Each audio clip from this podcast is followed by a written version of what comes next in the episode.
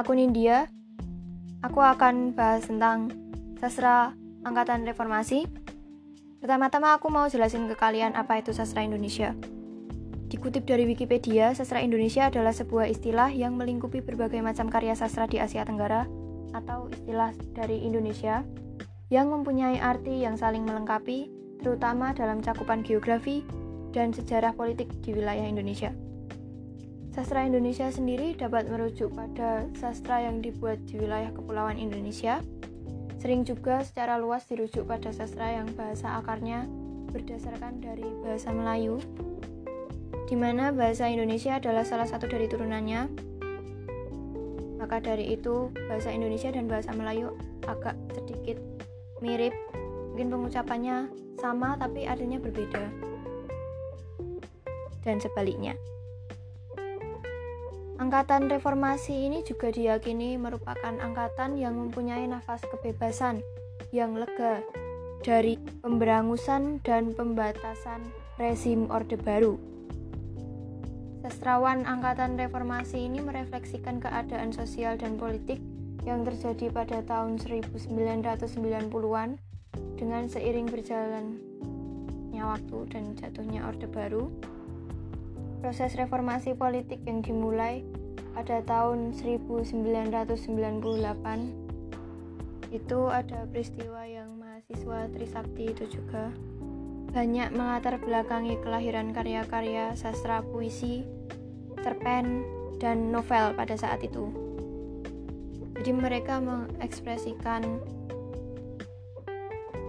opini-opini mereka melewati karya sastra. Jadi kayak protes melewati karya. Hebat kreatif. Itu harus dicontoh. Ada juga tokoh-tokohnya. Itu banyak banget. Tapi aku ambil contoh dua aja. Yang pertama adalah Ahmadun Yosi Hervanda karyanya Ladang Hijau. Ini aku belum sempat baca karena belum sempat dan sepertinya agak tidak menarik tapi nanti coba saya baca. Yang dipublikasikan tahun 1980 dan yang kedua ini ada Acep eh Acep maaf. Acep Zamzam Nur dengan karya Tamparlah Mukaku. Itu judul ya? Aduh itu judul. Jangan ditampar beneran kumpulan saja 1982 itu aku sudah itu aku juga sudah sempat baca. Jadi tamparlah mukaku itu memakai ajaran tasawuf. Jadi seperti lebih ke muslim ya. Munculnya angkatan reformasi ini ditandai dengan maraknya karya sastra bertemakan seputar reformasi merefleksikan keadaan sosial politik. Nah, ciri-cirinya ada beberapa. Yang pertama, bertemakan sosial politik itu pasti karena dari tadi saya menyebutkan sosial politik terus. Ada yang kedua, penuh kebebasan dan ekspresi pemikiran, yaitu seperti protes secara halus dengan karya. Mantap.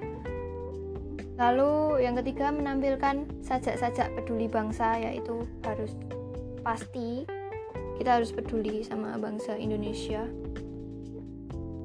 Religius dan nuansa sofistik. Nuansa sofistik itu lebih yang tadi sudah saya sebutkan uh, ke tasawuf. Ajaran tasawuf. Oh iya, dari tadi kita bahas tentang angkatan sastra angkatan reformasi. Sebenarnya apa sih yang melatar belakangi sastra angkatan reformasi sampai muncul seperti itu? Itu munculnya angkatan ini ditandai dengan maraknya karya sastra puisi cerpen maupun novel yang bertemakan sosial politik khususnya seputar reformasi di rubrik sastra harian Republika misalnya selama berbulan-bulan dibuka rubrik sajak-sajak peduli bangsa atau sajak-sajak reformasi. Berbagai pentas pembacaan sajak dan penerbitan buku antologi puisi juga didominasi sajak-sajak bertemakan sosial politik. Ya tahu sendiri keadaan tahun 1998 seperti apa saya belum lahir tapi saya sudah melihat film dokumenter yang Trisakti. Trisakti itu keren. Tapi mengerikan. Tapi keren. Bahkan penyair-penyair yang semulanya jauh dari tema-tema sosial politik seperti Sutarji terus Ahmadun Yosi Hervanda tadi Acep Zamzam Hartono Beni Hidayat dan beberapa lagi ikut meramaikan suasana yang dengan sajak-sajak sosial politik mereka tumbangnya rezim Soeharto yang militaristik dan represif boleh jadi sangat mempengaruhi gaya pengucapan dan cara berpikir sastrawan kita pada masa itu. Kehidupan pers dalam kasus penyampaian beritanya juga lebih eksplisit dan transparan, sehingga berdampak sangat luas bagi perilaku berbudaya dan bermasyarakat.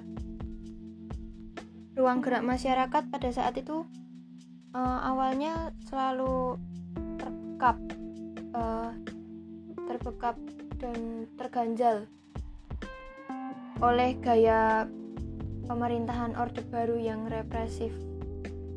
Itu tiba-tiba memperoleh saluran kebebasan yang lebih leluasa. Jadi rasanya seperti sangat bebas. Kesusastraan seperti berada di dalam sebuah pentas terbuka dan luas. Di sana para pemainnya boleh berbuat melakukan apa saja, ini nih, peristiwa penting Angkatan Reformasi. Pertama, terbitnya jurnal cerpen tahun 2002 oleh Joni Arya Dinata dan kawan-kawannya. Yang kedua, Lomba Sayembara Menulis Novel Dewan Kesenian Jakarta tahun 2003 dan ada Festival Seni Surabaya tahun 2005 Kongres Cerpen yang dilaksanakan secara berkala dua tahun sekali, kongres ini berhasil mengangkat citra cerpen secara lebih terhormat.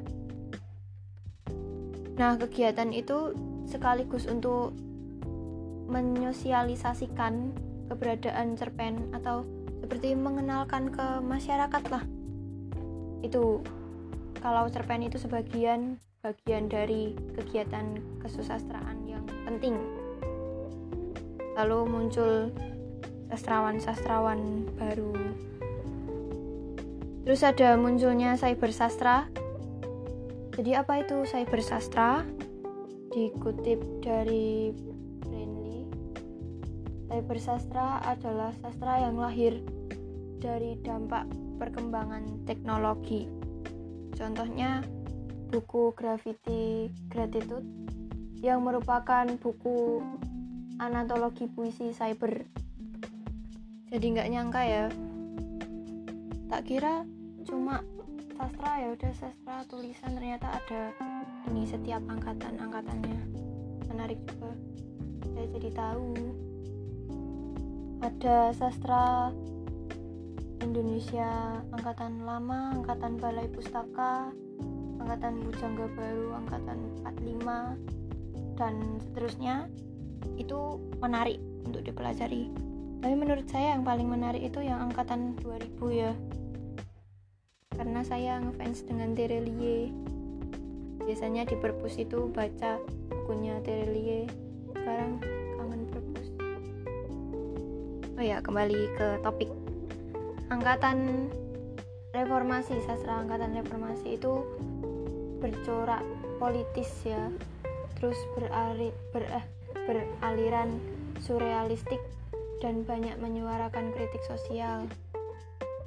Terus ini yang terakhir tanggapan aku setelah mendalami materi tentang sastra angkatan reformasi ini mereka walaupun dalam keadaan seperti itu yang sebelumnya terkekang karena suatu pemerintahan tapi mereka bisa tetap berkarya jadi itu mantep banget sih jos.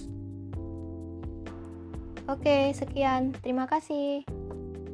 Berkah dalam